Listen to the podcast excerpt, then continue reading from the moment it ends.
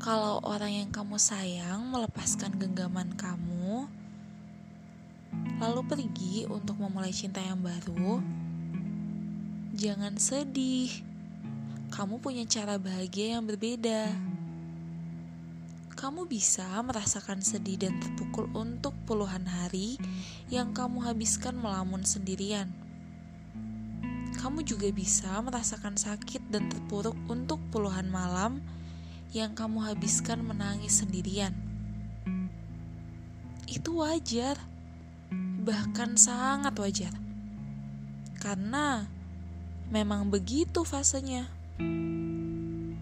Memang berbeda-beda kasusnya pada setiap orang, tapi semua orang pasti pernah mengalaminya dan melewatinya dengan begitu kuat.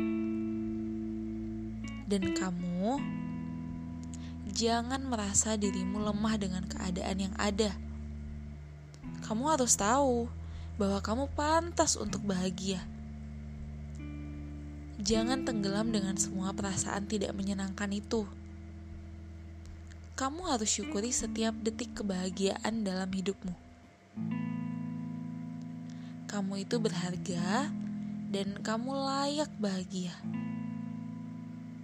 bersyukurlah bahwa kamu pernah jatuh, lalu kemudian bangkit dengan luar biasa untuk kemudian berbahagia.